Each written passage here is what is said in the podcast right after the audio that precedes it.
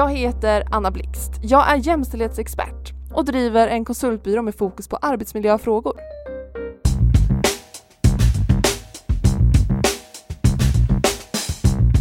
I det här avsnittet ska vi prata om kvotering. Och det är ett ämne som rör upp lite känslor och som tycks vara något av en vattendelare. Så därför kör vi ett eh, avsnitt med lite för och motargument och lite fakta.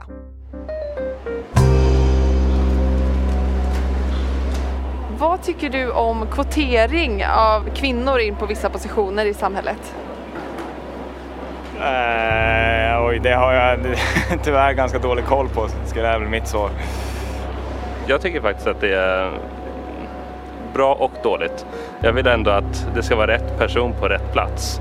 Det ska inte liksom bara för att det ska vara jämställt så slänger de in några kvinnor. Om det är kvinnor som är mer kompetenta så ska de självklart ha platsen. Är det män som är kompetenta på en kvinnodominerad plats så ska de vara där liksom. Vad tycker du om kvotering av kvinnor in på vissa positioner i samhället? Rent spontant sådär så tycker jag att det låter bra. Jag tycker det är bra. Och sen så tror jag att det är mer komplext än att bara säga ja eller nej på den frågan. Det får inte bli så att den enskilda människan tvivlar på sin egen förmåga och känner att jag är bara i detta rummet för att jag har blivit inkvoterad. För då kommer den ifrågasätta sin position i det rummet. På det sättet så kan kvotering bli svårt. Men kvotering i sig måste till för att ändra de liksom strukturella problem som finns. Det gäller inte bara kvinnor, utan det gäller etnicitet i Sverige också.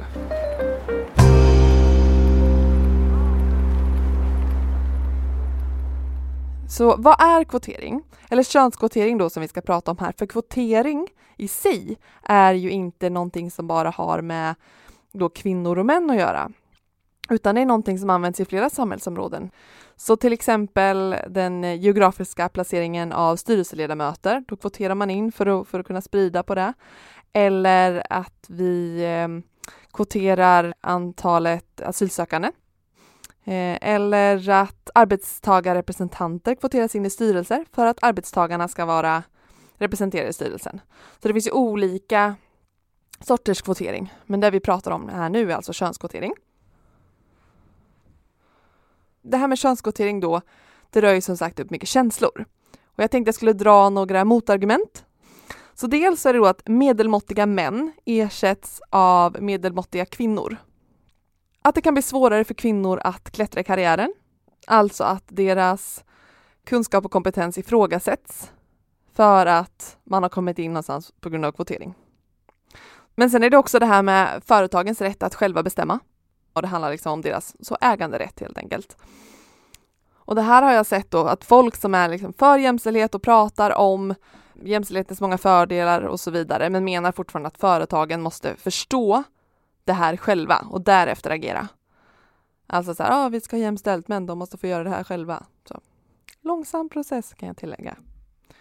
Och sen har jag självklart sett argumentet att det är diskriminering mot män eller självklart ska jag inte säga, men det känns oundvikligt att det argumentet skulle dyka upp. Att så här, ja, då diskriminerar män istället. Jo, tjena, men vilka är det som diskrimineras idag liksom? Ett annat argument är att organisationerna och rekryteringen redan är meritokratisk och att kvoteringen skulle rubba på det här. Och meritokratiskt, det betyder att meriter går före. Alltså att så här, begåvning, utbildning, utbildningsresultat och prestationer. Att det är det som då premieras. Men så är ju inte fallet idag, det vet vi. Vi har pratat om att kvinnor har högre kompetens för och så är överutbildade och så vidare. Så så är tyvärr inte fallet. Men det borde vara så. Det vore jättebra. Så organisationerna och rekryteringen påverkas också av vem som känner vem, så nätverk och bekantskaper och fördomar om mäns och kvinnors kompetens. Men också incitament kring att om man har likasinnade runt omkring sig så är det ingen som kommer motarbeta en till exempel. Alltså det finns sådana så, så mycket mekanismer i att så här, om vi tar in den här, han tycker som jag, gött. Då får jag som jag vill. Istället för, vi tar in den här, hon tycker inte riktigt som jag, vad bra, då kan vi komma fram till det bästa resultatet. Men en tanke också som jag fick här och som när jag har läst mycket då eh, artiklar eller debattartiklar kring kvotering är att det är ofta kvinnor i maktpositioner som säger att de är emot kvotering. Jag har alltså sett män också som har sagt det, men vad gäller kvinnor så är det kvinnor i maktpositioner. Och jag antar att det är för att de känner kanske att det skulle underminera dem på något vis. Jag lyckades ta mig hit och då ska andra också kunna göra det. Inte att jag lyckades ta mig hit och då vill jag inte att det ska bli lättare för någon annan för att då var inte min prestation lika mycket värd. Och sen så hittade jag en undersökning, jättespännande undersökning där man har frågat då folk vad de tycker om kvotering och män som är emot, jag ska bara läsa upp några av deras kommentarer här. Meriter ska vara styrande och kön är ingen merit i någotdera riktningen. Bor vi i ett kommunistiskt samhälle? När staten lägger sig i för mycket i demokratins namn kan det lätt bli ett kommunistiskt samhälle. Låt företagen själva få bestämma hur de ska driva företagen. Ja, men det är så, det blir ju lätt kommunistiskt bara så. Hopp. Nästa kommentar. Rätt kompetens ska styra, inte kön. Synd om de kvinnor som redan sitter i styrelser på grund av deras kompetens. De kommer att bli behandlade som kvoterade medlemmar. Allmänt kan jag säga att stämningen i styrelserna kommer att bli mycket dålig om en sådan lag införs. Det vet jag inte hur den här personen kan veta. Och sen har vi en till kommentar som säger kvotering är nedsättande för kompetenta kvinnor. Ett annat motargument som jag har hört men som jag inte har kunnat styrka med några studier eller så, det är att män som kvoteras in de påverkas inte, deras prestation påverkas inte. Medan kvinnor som kvoteras in, deras prestation påverkas och de presterar sämre om de vet om att de är inkvoterade. Alltså att de kan vara den bättre mm, kandidaten, men de presterar ändå sämre. Och sen då som kontrast så tänkte jag läsa då kommentarer från kvinnor som vill ha kvotering. Det krävs för att skaffa en jämställd bolagsmiljö. De kvinnor som idag tar sig till toppen når oftast enbart dit för att de beter sig som, inom situationstecken, män. Just när det gäller bolagsstyrelser är gubbväldet totalt och bastukulturen, inom citationstecken, styr. För gubbarna, inom citationstecken, är gentjänster och vem som håller vem om ryggen mycket viktigare än kompetens. Styrelseuppdragen är den sista bastionen och de släpper inte denna makt frivilligt. Och för att bekräfta kanske det jag sa innan om att det ofta är kvinnor som då redan är högt uppsatta som är emot kvotering. Så argumenten för kvinnor som inte vill ha kvotering är till exempel jag vill själv sitta i en bolagsstyrelse om några år och då vill jag göra det för att jag är den bästa kandidaten, inte för att jag har kvoterats in. Om jag är tillräckligt bra så tror jag utan tvekan att jag kommer med. Men är det verkligen så här? Blir man inkvoterad om man inte är den bästa kandidaten? Nej, för kvotering är ju alltså att om man har en man och en kvinna med samma meriter och kompetens och så vidare, om de är likvärdiga, så väljer man kvinnan. Om man ser till hur det fungerar idag så är det ju, återkommer ofta till det här att män är underutbildade, kvinnor är överutbildade i högre utsträckning. Det betyder alltså att kvinnor behöver en högre kompetens för att ta en position som en man med lägre kompetens kan få. Så om vi då har kvotering där vi säger att en kvinna med samma kompetens som mannen ska ha posten så kommer det ju gå snabbare. Och då kommer man liksom inte välja Jan och Göran. Gud, det är något sånt här. Det finns fler styrelseledamöter som heter Anders än vad det finns kvinnor. Eller något sånt. Det är helt galet. Oh. Men det gjordes en eh, studie på just kvotering då i Sverige. Och det var att man kollade på kvoteringsprojektet Varannan damernas där Socialdemokraterna bestämde sig för att ta 50-50 kvinnor och män på sina listor till valet 94. Och där man kunde se då, det var att mäns kompetens i organisationen ökade och att kvinnors förblev densamma eller ökade. Så att den ökade konkurrensen hos männen från kvinnor med bra kompetens gör att medelmåttiga män ersätts av kompetenta män eller kompetenta kvinnor. Spännande. Och man kan också se att kvinnor kan klättra vidare från den positionen till nya, för de har ju fått makt, de har fått sitt nya nätverk, de har kommit upp dit och därefter kan de ta sig vidare till andra positioner på samma nivå. Kul, positivt.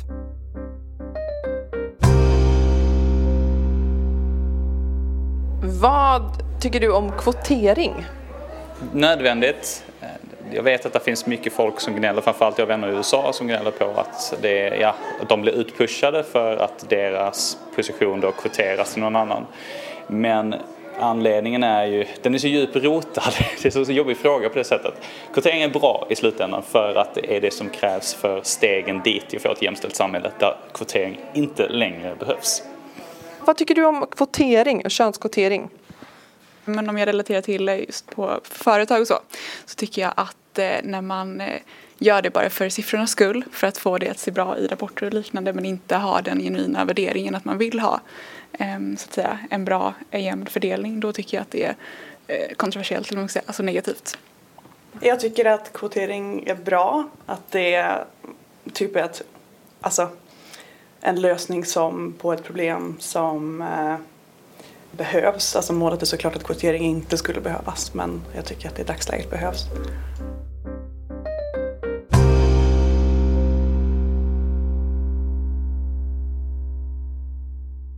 Så det finns ju olika åsikter om varför man ska kvotera. Och en del säger att det är lönsamt, att företag tjänar på det. Jag skulle säga att det tvistas lite kring det här, att man inte så kan säga, men men jämställda organisationer är ju friskare och presterar bättre. Men just kvotering behöver ju faktiskt inte leda till en mer jämställd organisation. Även om man får in då kvinnor så, det krävs ju ganska mycket mer. Men det kan vara en bra start. Om viljan finns i organisationen så kan det vara en jättebra start och då kan det bli eh, lönsamt och det kan bli en friskare organisation. Men sen så visar också forskning att män har nätverk som både drar in dem och eh, drar dem vidare i karriären medan kvinnor inte alls har det i samma utsträckning. Och då formell kvotering formulerar man då som en motvikt till den struktur som informell kvotering ger upphov till. Och jag föreläser ju väldigt mycket om just det här med normer och förväntningar och fördomar och så som vi har kring kvinnor och män i arbetslivet. Och då kommer jag tänka på ett exempel som jag borde tagit upp i programmet om rekrytering, men nu är det för sent. Så jag tar upp det nu istället. Och det är exemplet med rekrytering av musiker till orkestrar. För där ville man då jämna ut mansdominansen. Så då testade man först att ha fler kvinnor i juryn. Det gjorde ingen skillnad. Sen testade man att låta alla spela bakom en skärm så att man inte såg dem. Det gjorde inte alls då skillnad. Det de testade sen var att låta alla spela barfota. För att när man ska på en audition till ett nytt jobb eller så, så klär man upp sig lite extra. Många kvinnor tar då på sig klackar. Och då hör man när personen går in att det är en kvinna. Och införandet av skärm har lett till 50 till 300 procents ökning enligt en Harvard-studie. Och det finns fortfarande konserter som inte har skärm och där är det fortsatt mansdominerat. För att där har juryn fortfarande liksom sina fördomar som påverkar rekryteringen. Varför tar jag upp det här i relation till kvotering? Jo, för att när vi säger att rekrytering eller organisation är meritokratisk, alltså det här med att man rekryteras eller att man får fördelar på grund av sina meriter och erfarenheter och kompetens, så stämmer det liksom inte för att vi har så starka normer. Det finns så starka fördomar kring män och kvinnor i arbetslivet. Och när man istället då kvoterar in en kvinna till exempel så kan man ju motbevisa fördomarna genom att låta henne vara där. Visa att hon, vad hon går för. Och man kan gå emot och man kan bryta normerna. Och det är kanske är det vi framförallt måste göra. Vi måste bryta normerna om vem som ska sitta i ett styrelserum. Så vad tycker då jag? Det är ganska tydligt att jag är för kvotering. Men jag tycker inte att man ska lagstadga det här. Inte till en början i alla fall. Jag tycker istället, så som jag försöker göra nu, att man ska sprida kunskap om det. Det är det som saknas. Vi måste sprida kunskap om vad könskvotering då faktiskt är och vad utfallet ofta blir, eller det vi har kunnat se då i studier. Och sen kanske man då genom opinionsbildning kan skapa press på företagsledningar. Men först måste vi få ut en faktisk bild av vad det innebär. Och när kvotering införs på ett företag till exempel så bör all personal ges information om hur det fungerar och vad resultatet är enligt forskning och i en svensk kontext. För att då motverka något skvaller eller fördomar eller att man liksom snackar skit på något sätt om den person som har kvoterats in. Eller de personer som kvoteras in, för jag hoppas att det inte bara är en person, för det låter inte så kul att vara en ensam inkvoterad person. Men jag tror ändå på att det behövs. För att normer och fördomar är så pass starka och det tar för lång tid. Och vi behöver få in kvinnor på maktpositioner.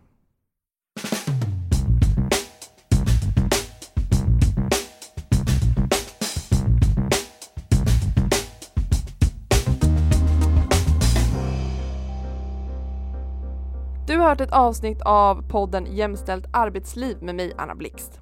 Vill du höra mer om mig så finner du fler avsnitt av podcasten där poddar finns och på min hemsida annablixt.com.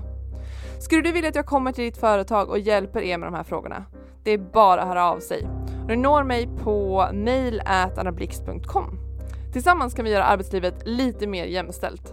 Ta hand om er. Puss och kram!